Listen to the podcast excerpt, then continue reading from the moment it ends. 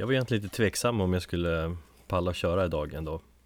Det är ju rätt sent så här, lång dag har det varit.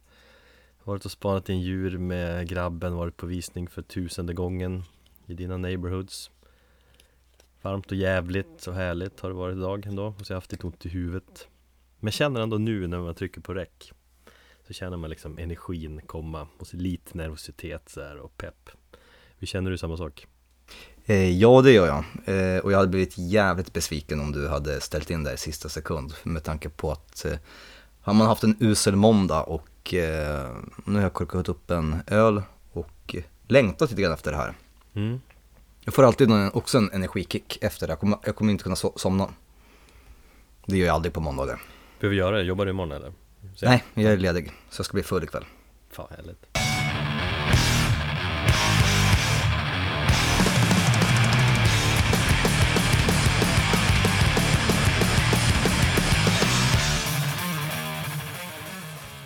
Välkommen till avsnitt 11 av Metalpodden. Med mig Erik och min kollega Thomas. Kan du tala mitt efternamn? Thomas med det svåruttalade efternamnet. Nej jag vet inte om jag kan det riktigt. Vi lämnar det där.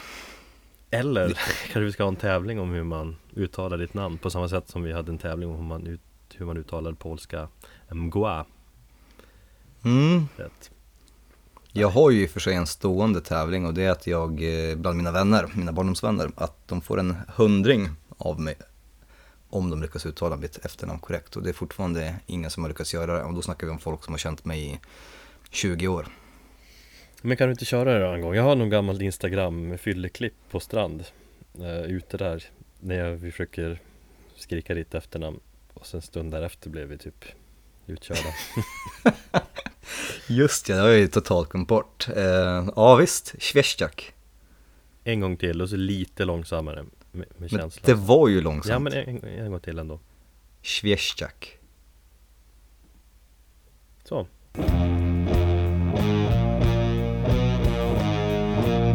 Vi har utökat vår hemsida på metalpodden.com Lagt till en undersida som vi kallar skivsläpp Mycket diger sådan tycker jag också. Mm. Där listar vi liksom skivor månad för månad som vi är vad ska man säga, intresserade och nyfikna på. Sen en lista som vi kommer att utöka kontinuerligt hela tiden när vi får nys om nya skivor och som kommer och sådär. Jag ser den listan som för, för mig själv som skitbra att ha. Det är bra att ha när man går tillbaka och kollar året som har gått och ska sammanfatta skivåret och kan ja, allmänt ha en bra liksom, överblick. Jag tycker den listan är eh, helt fantastisk, eh, men jag får ju redan ångest. Jag menar, halva året har inte ens gått och jag känner redan att summera det här om, ja, när brukar jag göra det? I oktober, november. Close-up ska ju alltid eh, ha så tidigt på grund av pressläggningen. De jävlarna. Ja, så att jag brukar ju få summera året i typ mitten av oktober och sen så får man typ jaga de här skivorna som kommer någon gång i november. Bara för att man vill höra dem precis innan listan ska lämnas in. Så jag känner redan att eh, det här kommer bli ett svårt år och det var fan inte kul förra året. Ja men alltså jag tror att du ska köra mer på det känsla eller betydelsehet för, för, för liksom de skivor som har betytt mest för dig som har liksom berört dig mest. Så tänkte jag förra året och då var det faktiskt lite lättare. Ja, jo jag håller med dig. Ehm, Inte hålla på och jämföra, hur bra var den här skivan jämfört med förra skivan bla bla Utan bara kör rakt på, de här skivorna har berört mig mest Smack Ja, jag håller med. Nej, jag tänkte till, eh, eller tänkte efter alldeles för mycket med förra listan. Och, men så är det alltid, efter varje, varje gång jag lämnat in listan så kommer man på någonting att nej fan, det kanske skulle ha ändrat det här och det här. Men så är det, det hör till. Nej men jag tror att, eh, inte bara du och jag men andra kanske också kan ha nytta av vår skivsläppslista. Så gå in där och kika.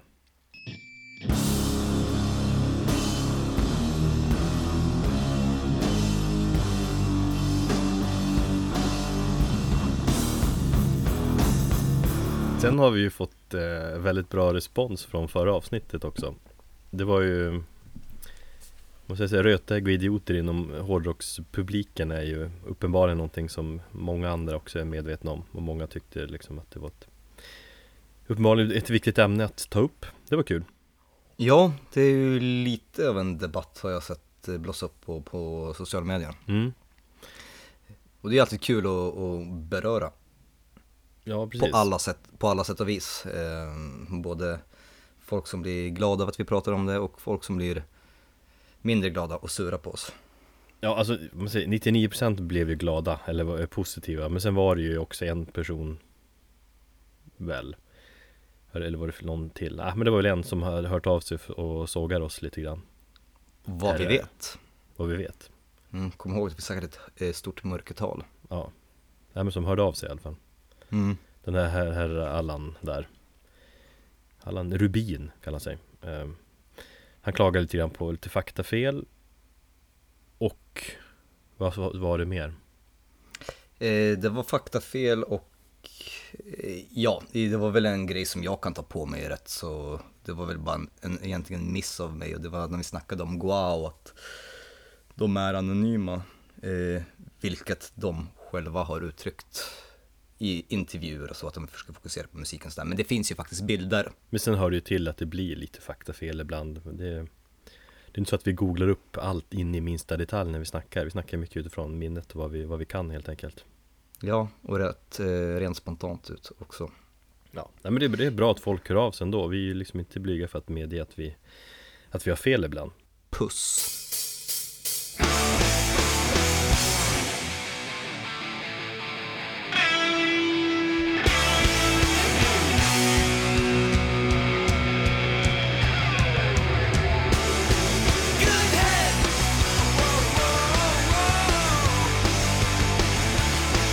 Peter Dolving bildar ett nytt band Ja, du skickade ju det till mig, den nyheten här, precis innan vi ska starta, eh, ja, innan vi ska spela in avsnittet. Ja, jättenytt, jättefräsch nyhet Eh, Bandet heter Dress the Dead Sjukt dåligt bandnamn. Jag blir nästan provocerad. Ehm, jag, tror, jag tror det kan ta sig med, med tiden Förutom Peter Dolving på sång så är det ju före detta Forbidden eh, medlemmar Och Forbidden Mm. är ju ett klassiskt eh, thrash metalband från Bay Area eh, Från 80-talet där Precis. Som jag tror att Rob Flynn var med och startade innan han gick vidare En gång i tiden Jag tror han var med där i begynnelsen någonstans Och Nu om jag inte är helt ute och cyklar nu Kanske jag har, men i sådana fall får det vara så Ska vi börja gardera oss för alla faktafel vi gör nu? Nej. Nej det gör vi inte, Rob Flynn var med där säger jag. Eh, Så att, nej men utifrån det eh, Det är väl den här ursprungs En av ursprungsgitarristerna där Från Forbidden som är med i det här nya Dressed to Dead. Så att man kan ju anta att Att det är thrashigt Och utifrån beskrivningen som var På bandet eh, vad säger jag, We intend on making heads bang, bodies move and bones shake. Så kan man ju an- Eller utifrån det så kan man ju anta att det låter Snabbt och thrashigt Ja, ehm, jag är lite eh, skeptisk, eller skeptisk, jag är inte skeptisk, jag är väldigt nyfiken på musiken, men till hela, för Dolving försvinner ett tag där och då lägger han ner och nu är han tillbaka, men han är ju lite av en periodare. Jo, men han är ju uppenbarligen tillbaka. Alltså, dels har han ju, ju befinner sig i Köpenhamn eller befunnit sig nu i, i helgen i alla fall. Eller Danmark, någonstans. Eh, med Iron Fire. Just ja. Och han har lagt upp något eh, klipp på Facebook när de repar och sånt där. Och han ser ju peppad ut och pekar finger mot kameran och sånt där. Så att, eh, han verkar vara på Klart på G igen. Spelar och så har han ett annat band här nu också så att eh, Känns som att han är tillbaka och kanske brinner för musiken igen som han kanske inte gjorde där för ett par år sedan.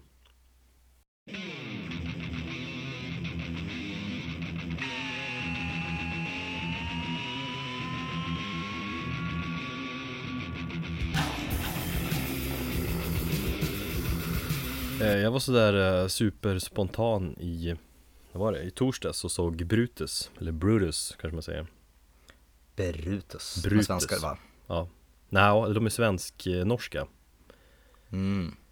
Ehm, Så jag bestämde mig typ, typ två timmar innan de gick upp på scenen att jag skulle dra Och det är det som är fördelen med att bo hyfsat centralt i Stockholm, att man kan ta Man kan bestämma sig sådär, det tar ju tio minuter för mig med tunnelbana in till Gamla stan typ Det är ju inte den lyxen som jag har. Ja men så, vad tar det för dig? 20 minuter? Eh, 20 minuter faktisk transport, men sen så har vi ju Klåparna som är eh, Stockholms länstrafik. Eller Stockholms lokaltrafik kanske det heter.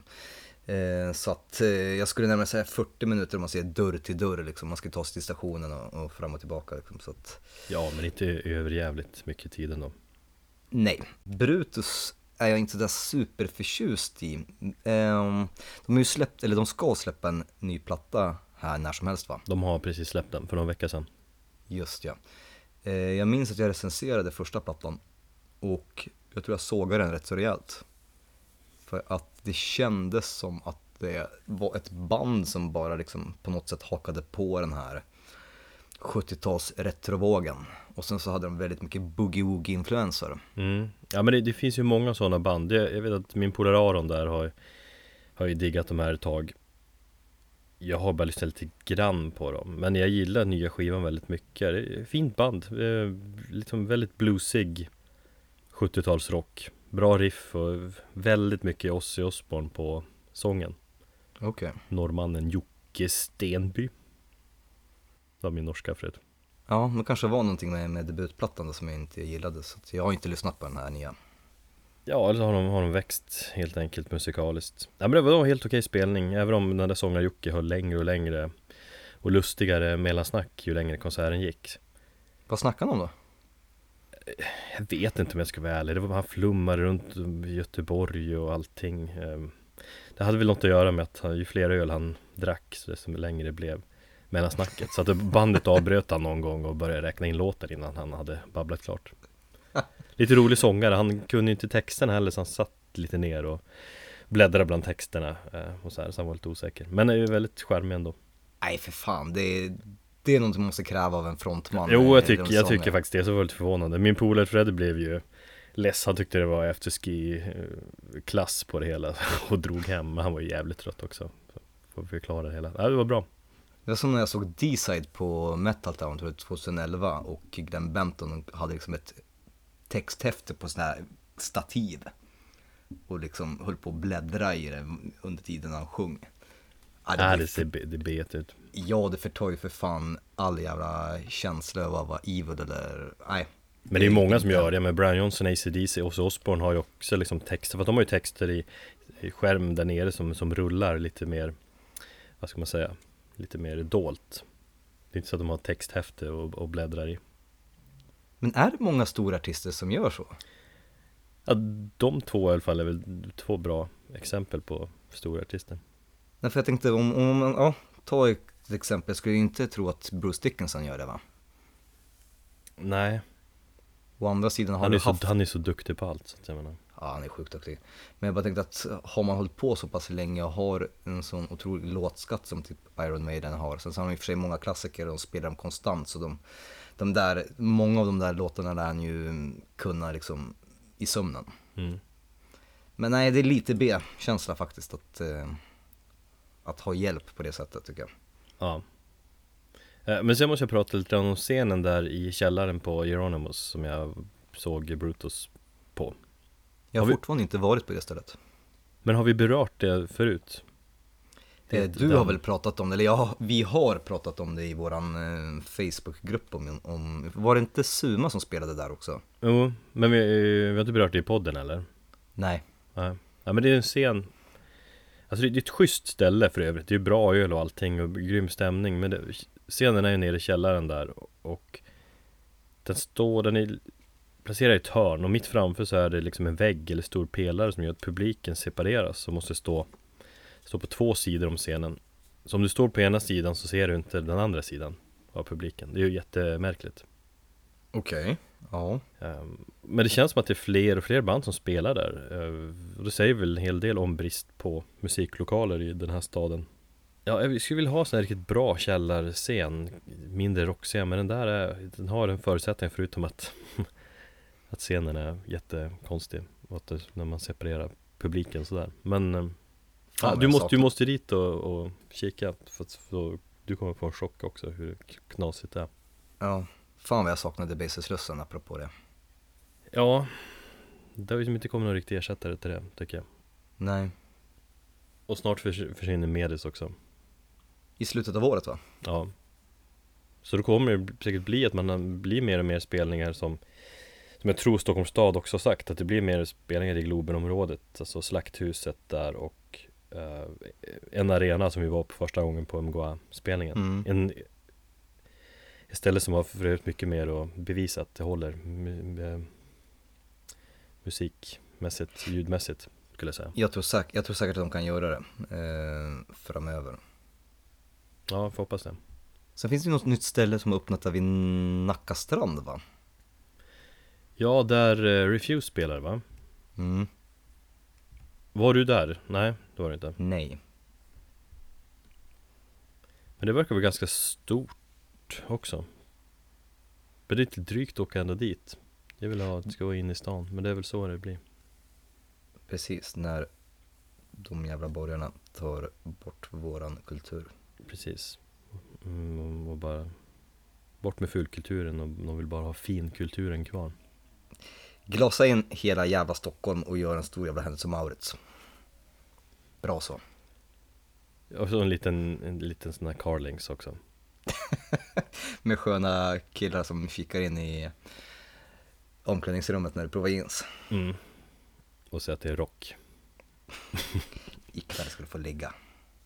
Eh, nu ska jag vara lite eh, så nostalgisk och fly- förflytta mig tillbaka 20 år i tiden. Till staden Örnsköldsvik uppe i Ångermanland där jag är uppväxt. Är du eh, lokalpatriotisk? Ja, till viss del är jag väl det. Vad gäller hockey och sånt där. Alltså Övik är ju känt för modehockey och typ Höga Kusten och surströmming. Jo, alltså hockey är ju verkligen det. Det är något speciellt som man har, har, har i blodet av någon anledning. Eh, Men där uppe i alla fall, där var eller är, ska jag säga, hockey och kyrkan. Framförallt Pingstkyrkan då, det var det, det som gällde där uppe eh, när man var liten. Var du aktiv i pingstkyrkan? då? Nej, Varför inte då? nej, det var inget intresse från mina föräldrar tror jag. Jag hade ju polare som hade föräldrar som var med i Pingstkyrkan och de har blivit präster och sånt där nu och bett mig för åt helvete upp. Nej men du har sagt åt mig att jag kommer hamna i helvetet på grund av min eh, destruktiva livsstil. Helvete vad provocerad jag blev och sånt där. Religiösa jävla fanatiker, fan dra åt helvete. Jag hade en vän, en väldigt god vän som eh, mm, under mina tonår eh, som tog hand om mig när jag bytte skola i sexan så mm, bytte jag eh, från en skola till en annan då i Västerås. Och eh, ja, det var en kille som tog hand om mig medan de andra var lite, ja, mer eh, retfulla kanske och inte lika inbjudande i deras gäng liksom. Och vi hängde rätt så mycket, sen så blev han pingstvän. Vi var ju båda två hårdrockare och han hade liksom, vi älskade Machine Head och In Flames och all svensk döds liksom under våra tonår. Och sen så blev han pingstvän som sagt och eh, slängde alla sina skivor och sa att jag kommer typ brinna i helvetet för att jag fortsätter lyssna på hårdrock. Ja, det är trist. Framförallt med de här som blir frälsta liksom senare åren, senare tonåren typ och ska helt vända eller bli en helt annan person. Då är det ju något som känns fel.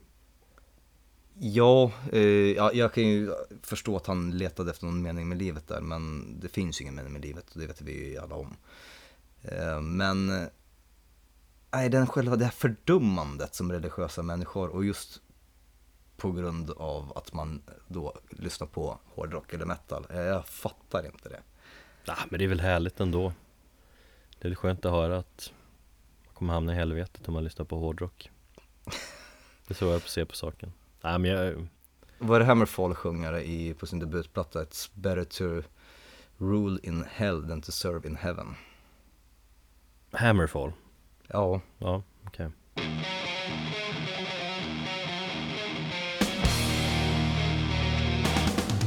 Men du pratade om eh, Örnsköldsvik. Precis. Eh, förutom kyrkan och hockeyn där så fanns det också musikhuset. Där eh, ja, det lokala band spelade och där det ibland uppträdde band från andra orter som var på någon turné norrut. Men det hände inte så ofta, men det hände ibland. Jag minns att jag ville dra och se Metallica 93 på Stockholms stadion där, men det fick jag inte för morsan. Så att jag, jag fick nöja mig med de band som Ja, de band som spelade på musikhuset där eh, när man var tonåring. Det var där man hängde. Och just många spelningar gjorde ju som liksom stort och starkt intryck på mig som liten grabb. Och vissa av de där lokala banden var också riktigt bra. Eh, som, som blev något av mina favoritband vid den tiden där på 90-talet. Jag tänkte därför nämna två, alltså mina två favorit Öviksband från min tid i Övik när jag var ung. Men är det här band som fortfarande är aktiva och som slog igenom eller är de borta nu? Jag kommer till det Okej. faktiskt, för det är lite oklart skulle jag säga. Men det är väl inga band, ingen av de här två banden är väl känd liksom utanför Övik skulle jag säga. Så himla mycket. Det är inte känt över hela Sverige. Ett av banden är känt i Japan skulle jag tror jag. Men band nummer ett, Engine Number 9. Taget från en, namn taget från en, en Deftones låt som jag inte är helt ute och cyklar. De lirade fet, ganska, eller lite grovig thrash sådär. Och Påminner en del om tidiga Machine Head på den tiden. De gjorde Inte, också, groove, inte groove metal va? vad nu groove metal är för någonting. Jag, jag ser, anser att Pantera är groove metal, så att jo, jag skulle säga att de var lite groove metal också. Jag hatar det uttrycket. Ja, det, det fanns ju svårt att säga vilket band, vilka Nej men det, det slängs in i eh, när man är bara för lat för att komma på någonting bättre. Thrashiga band som svänger, då bara, ja men det här är groove metal. mm, Devil Driver klassas väl som någon form av groove metal också. mm, jag sa. Ja, jag tror det.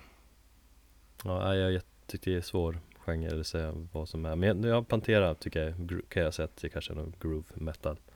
Lite groove. Groove.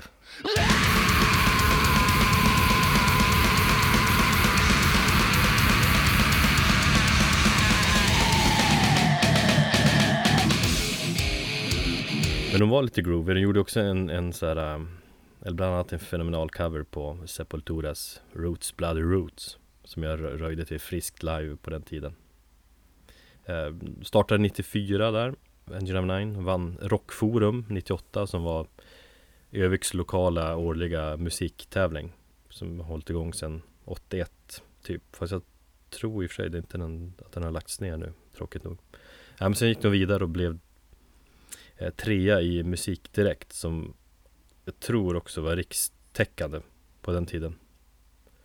Jag snackade lite med Jim Engvik, basist i Engine Number 9 för detta. Eh, Så han har berättat lite om den tiden. Han berättade också att de vid den tiden där 98 och därefter tänkte, tänkte satsa lite mer på Eller satsa helhjärtat kan man säga på bandet och flytta ner till Göteborg och bli stora typ, men det sket sig. Men de, de orkar inte det. Men de har haft lite sådana här eh, sköna återföreningsgig och Jim berättar också att de hade eh, Eller de, de, de har tankar på att skriva lite nytt material Men att det går lite segt, de har väl funderat så några år Men det hade varit kul att höra lite nytt från dem men hur som helst så ska vi få höra en låt som de skrev 96 som heter Good Grief.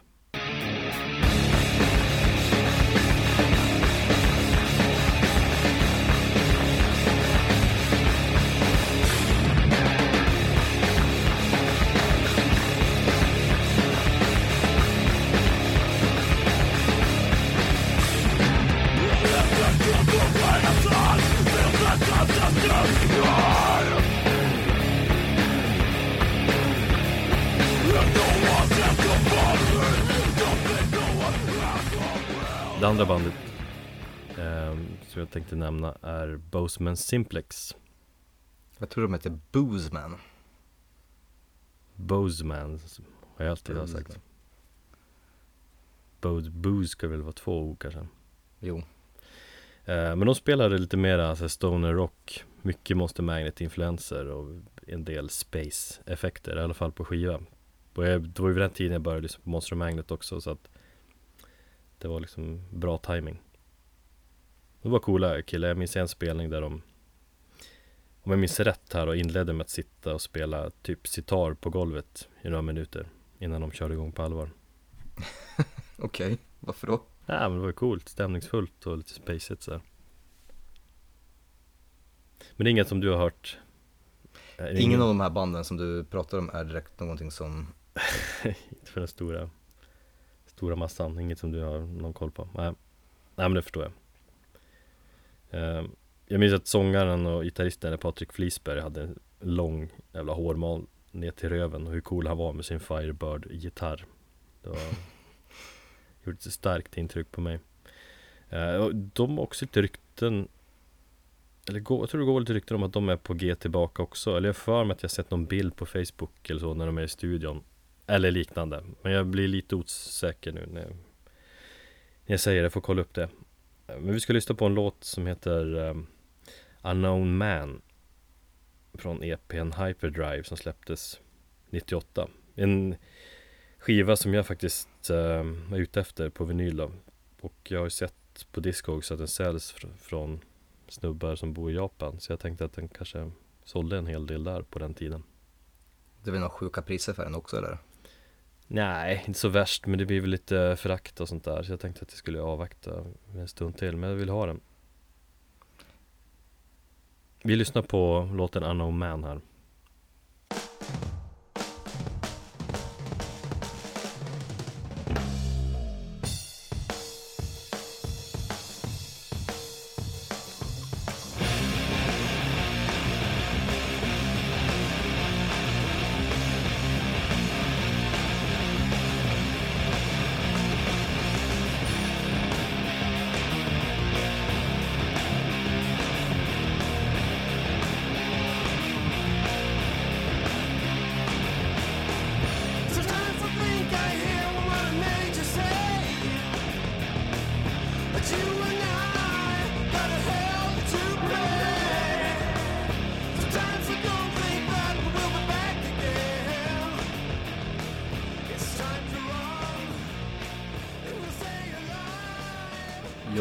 Jag har väl inte direkt någon större koll på Västerås som är min hemstad. Dels så känner jag inte direkt någon form av kärlek till den staden. Ehm, Ingen så, alls? Så, nej, och det har väl att göra med att jag tycker det är en fruktansvärt tråkig stad. Det är en, jag har alltid sagt att som, som en stad för ungdomar så är den hur jävla tråkigt som helst för det finns inget kulturliv. Eh, det största som har hänt de senaste tio åren var väl typ att Testament spelade där, jag tror det var 2008. De kom för en speciell spelning just på, till Västerås, men de spelade inte i Stockholm.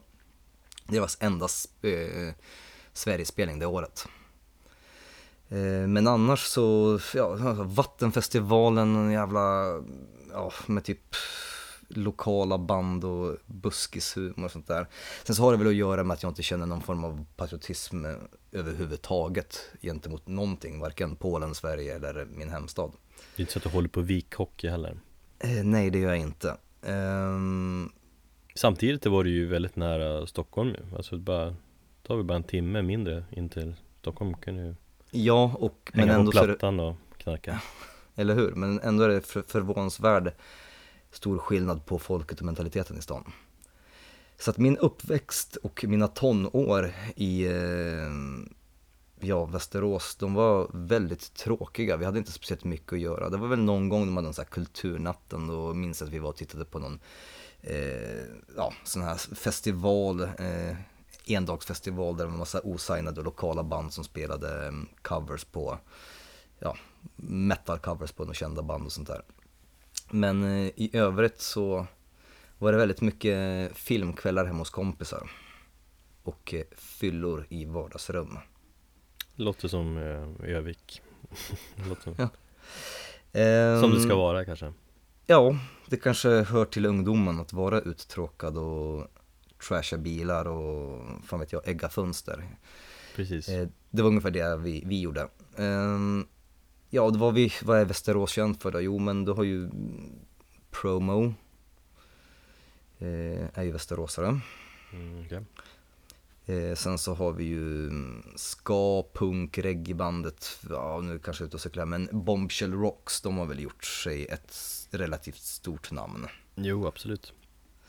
Eh, de la väl ner där ett tag om jag inte tar fel och sen så eh, återkom de och sådär. Eh, om det finns någonting som kittlar min eh, lokalpatriotism så är det faktiskt Bombs of Hades.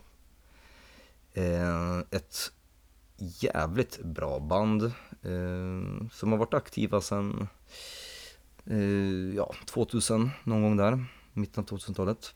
Alltså det, det visste inte jag. Jag fick för mig att de bara varit aktiva inte så länge alls. Jag fick, det var väl inte så länge som de släppte liksom deras debutalbum. Alltså, Typ. 2006 eh, släppte de eh, debutplattan, om jag inte tar fel.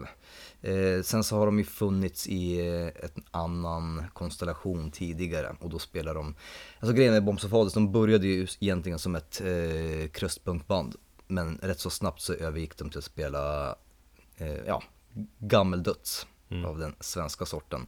Det som däremot får dem att stå ut eh, bland liknande akter, det är att de har lite mer um, det här D-takt och krustpunkkänslan i sin döds. Mm, det kan jag hålla med eh, Vilket gör att det blir inte eh, ännu ett, eh, ja, old school eh, dödsband som liksom är influerad av Stockholm.